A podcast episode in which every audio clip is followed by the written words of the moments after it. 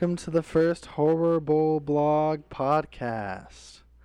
I'm Chris Golab, And I'm Marissa Jenkins. and we are some horror movie enthusiasts uh, who wanted to start an amateur podcast. We watch um, horror movies pretty regularly. What would you say? How many horror movies we've watched? An awful lot. Probably said- like a hundred, maybe more. I say 200 when I Probably. talk about it. We we nonstop watch horror movies Yeah. basically. Um, a little bit about myself. Uh, I actually didn't watch horror movies before I knew Marissa.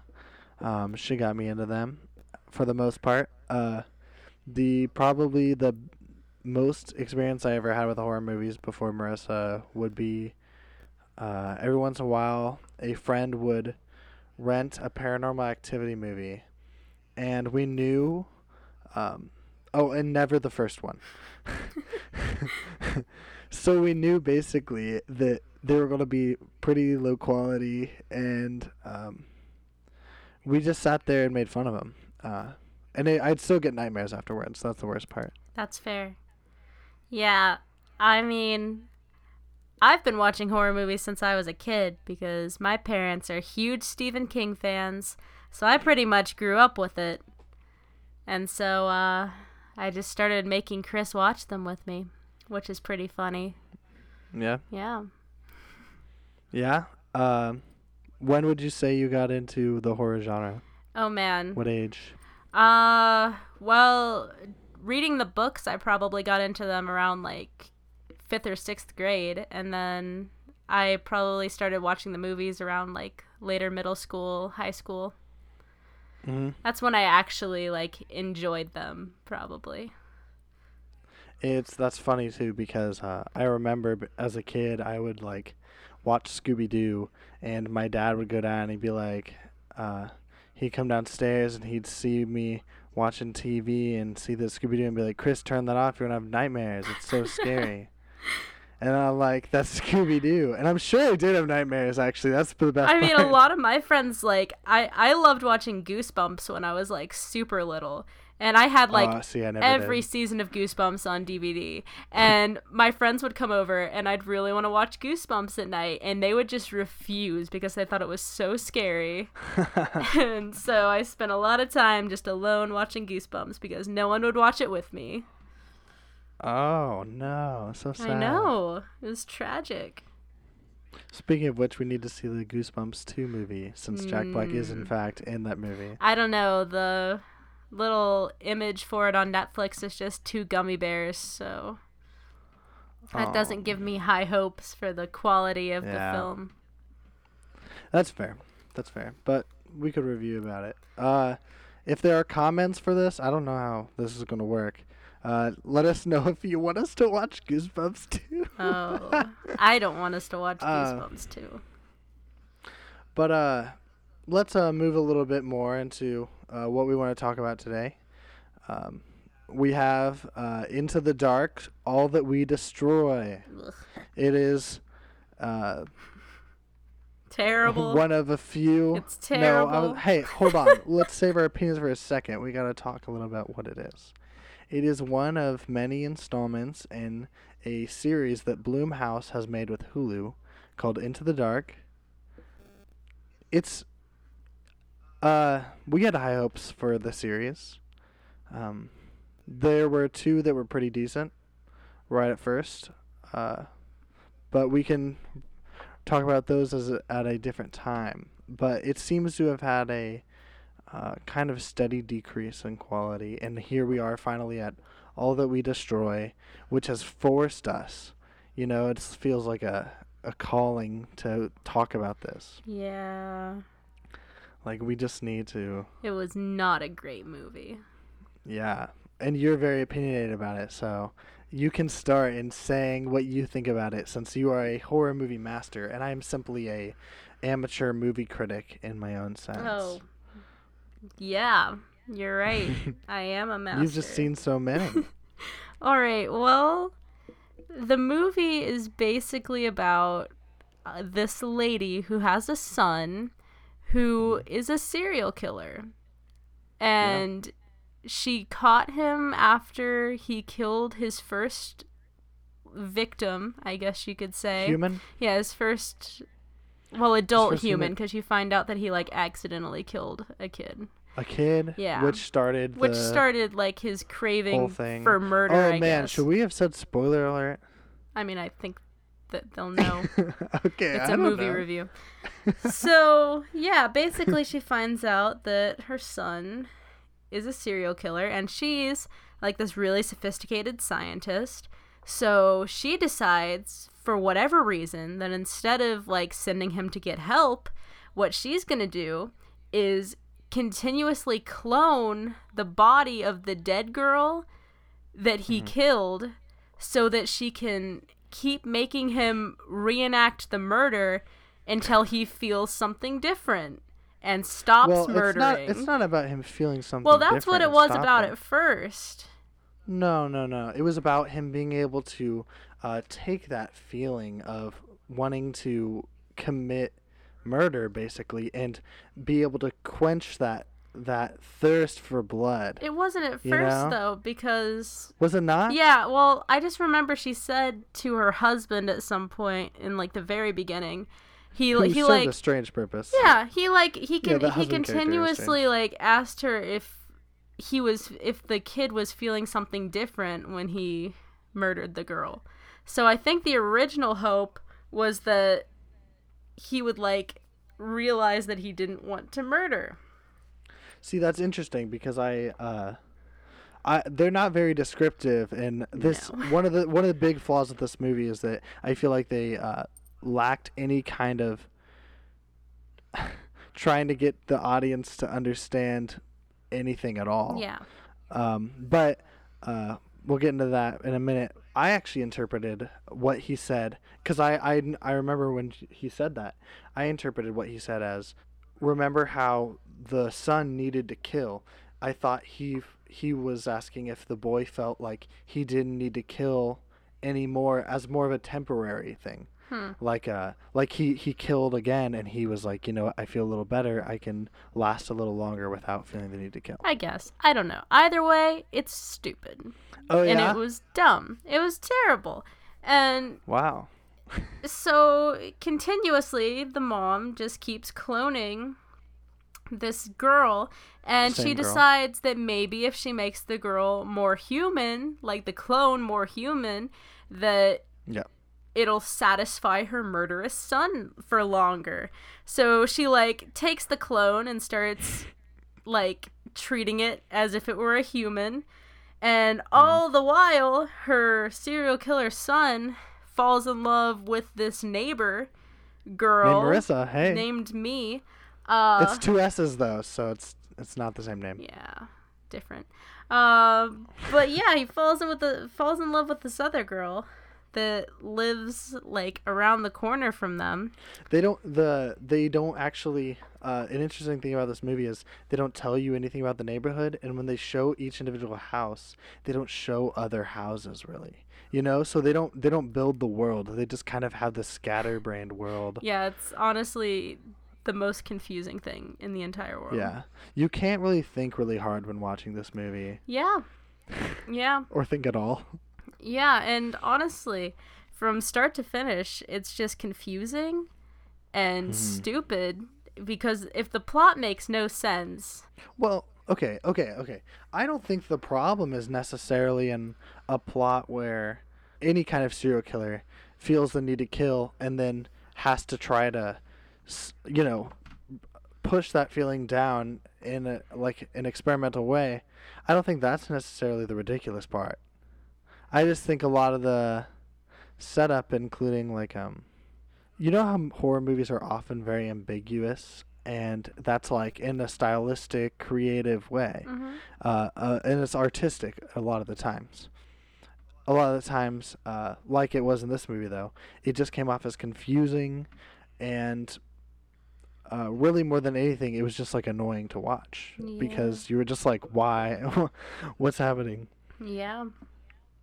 And um I don't know, I just felt the story felt like like we were talking earlier about it, like right after we watched it, and we said it was kind of like a a lazy, horrible Black Mirror kind of deal. Yeah. Because it didn't feel like a horror movie. No, for it didn't. Um, It was just kind of watching it and wondering when it was finally going to end so that you could stop watching it. Because at that point, you'd invested so much time and you just wanted to see it end. Yeah, and they made it so uh, so painfully obvious that the Marissa character was going to die at some point. Yeah, I mean, the whole thing was obvious. There was no suspense. No. It wasn't scary, and I don't know if they were yeah, it trying to go It for definitely like wasn't suspenseful. Because what I've gathered from Into the Dark is that not only is it like trying to be horror movies, but it's supposed to just be like, you know, dark. It's supposed to be, you know, make Mm. you think about a topic or something like to with the treehouse thing, like they wanted you to think Oh, about rape and like rapists and things like that. and yeah, and yeah. you know, so everything tries to get you to think about a certain subject and like take a dark spin on it. So I understand if they weren't trying to go for like a classic horror movie kind of vibe for this. But at the same time, it it wasn't really I don't know. It just kind of made me feel gross to watch it. I definitely got a lot of that feeling, and I think it was. Like it was just kind of gross. Like it wasn't I think it's because they showed him kill the girl over and over and over, yeah. like need- needlessly, and from a perspective that was kind of like far off. So you would just see it and just be like, "Okay, nasty." Also, there's a there's a scene where he's dragging her across the floor and she breaks her nail in the floor, and I did not Oh, yeah, care for that scene at all. Yeah, that Anything was with funny to watch you n- react to that. nails falling off, that's that's I not think it's fun just a fake nail popping off, though. Ugh, I hate fake nails. Yeah, That's why my nails are short and stubby, as they will always be. good. I had a friend in elementary school that had a phobia of fake nails, and every time she saw one, she would just freak out and like have a panic attack. She hated them. She thought they were the scariest things in the world. that is hilarious. That's not not on topic, but yeah. you know. That's okay. anyway, The, the some of know. the fun of having a podcast, I think, is being able to talk a little bit, you know, about making it a little more personal. And sure, that's personal. that's fair. Um, Oh, that's, yeah. I hope she doesn't listen to this. you didn't say weird. her name or anything.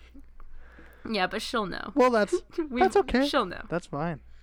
Um, but yeah, so uh, uh, want to talk a little bit about some of the acting or. or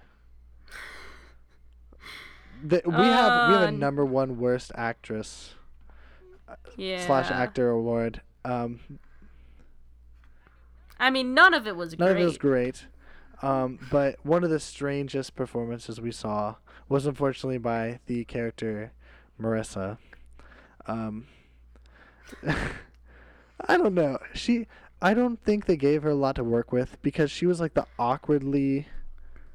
Uh, I don't think she knew she was in a movie. oh yeah, Yeah, I think that was just her. I think they just kind of stuck her on set and pretended like it was real. I think they actually killed that girl. oh gosh. Yeah, I think that was that wasn't there was nothing fictional about that. Well, that's That strange was all because real. if that's really the case, then um, I'm just Dora kidding. Madison is a a little awkward. Um, she uh, is really mean at first, and gets really really quickly incredibly nice. Um, Yeah, and she's really bossy towards strangers. That's that was true. weird. That was very weird. That was. and then did you notice that both like young uh, characters, like the girls that he was interested in, uh, they were both that way, like almost exactly like their personalities.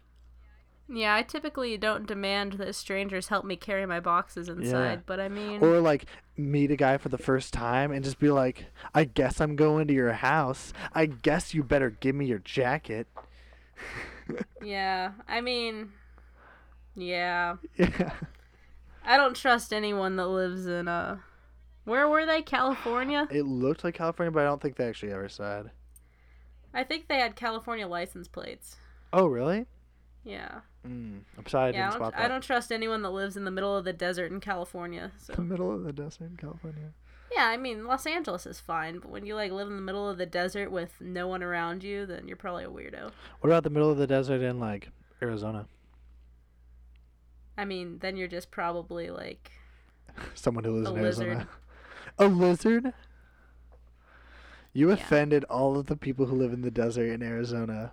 I couldn't Unless even it's a compliment. imagine. They're braver than me. I could if I stepped outside and it was 110 degrees, I would just shrivel up and die. Oh, a lizard as in warm blooded. Oh, wait. Yeah. Cold blooded. Sorry, the opposite.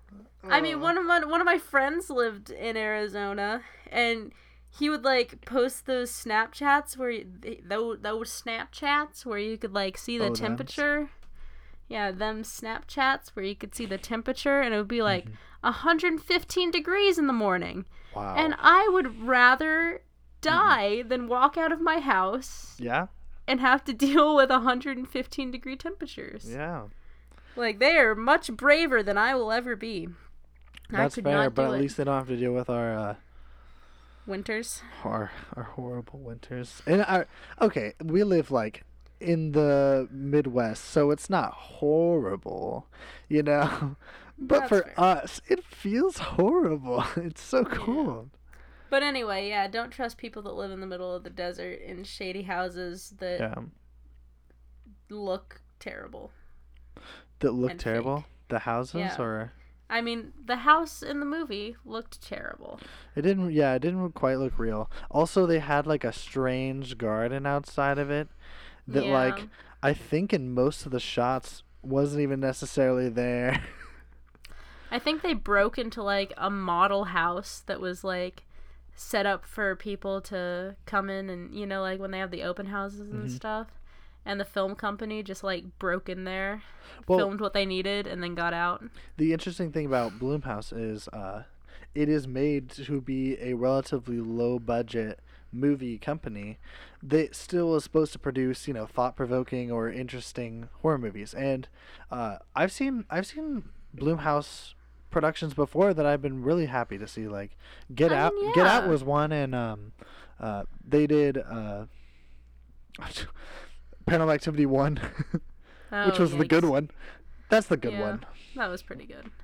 But like I mean, they, They have look- done good movies, and Yeah. you know they I, they continue to do good movies, but occasionally they'll put out something like this one, and it's like you know, Yeah. I I don't know, I don't know what they were thinking by putting that out there. I guess they had a deadline, but Yeah. yikes. I think I think what's really the problem right now is that there is a deadline.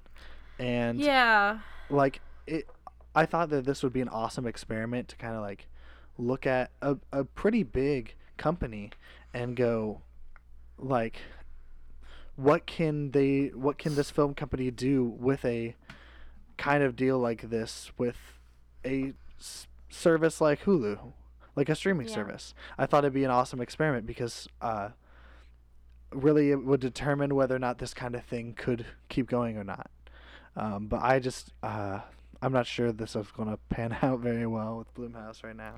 yeah. I mean, I guess we'll see what they do for the Father's Yeah. Day episode. It looked pretty good Yeah, in the previews that I've seen. they do a pretty but- good job making compelling previews. Yeah, if that counted for anything, Yeah. then they'd be doing really well right now. But Ah, it counts for something. Zack Snyder is still directs. yeah, that's fair. that's that's true. Actually, I don't know. I don't know if he still directs. He, it's been a bit since I've seen a movie by Zack Snyder. Yeah, I have no idea. But yeah, Yeah. that's that's how we feel about the movie. We talked a little bit about Into the Dark, uh, spooks. Uh, how many spooks? like like half a spook, It's worth about half a spook. Okay, that's what I'd probably and that say. that's that's being generous. That is really generous. Ha- half a spook. We're sorry, uh. Chelsea Stardust. Chelsea Stardust directed this. Oof, That's her name. Um, that's a pretty good name. um, yeah. But I did not very much like her Wait, movie. Stardust? yes, Stardust is her Does last she name. think she is David Bowie? I don't That's know. bad. Maybe she might think she's David Bowie. I don't it's know David her. Bowie's daughter.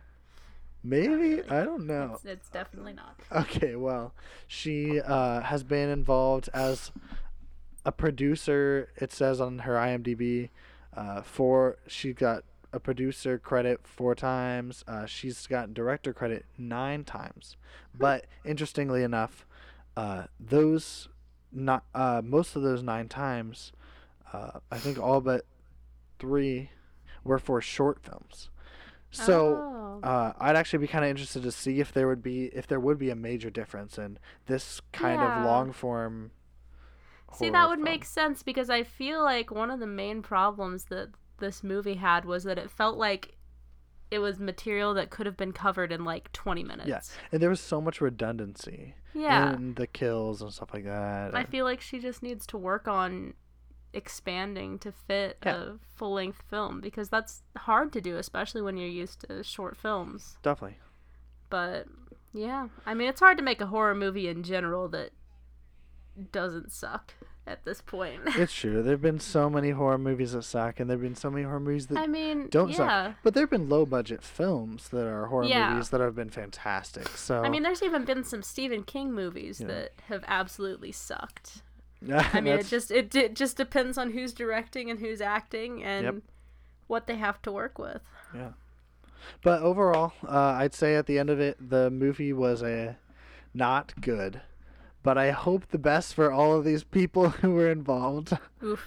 because uh, and I do like Blumhouse. I do have hope for Blumhouse, so we'll keep Yeah. watching and maybe we'll keep reviewing uh, these movies. Yeah, for sure. And uh, thank you for listening. Yeah. We had a good time talking about this and other things. Uh, this has been the first episode of the Horror-ble Podcast. Yeah. I'm Chris. And I'm Marissa. See you next time. Boo.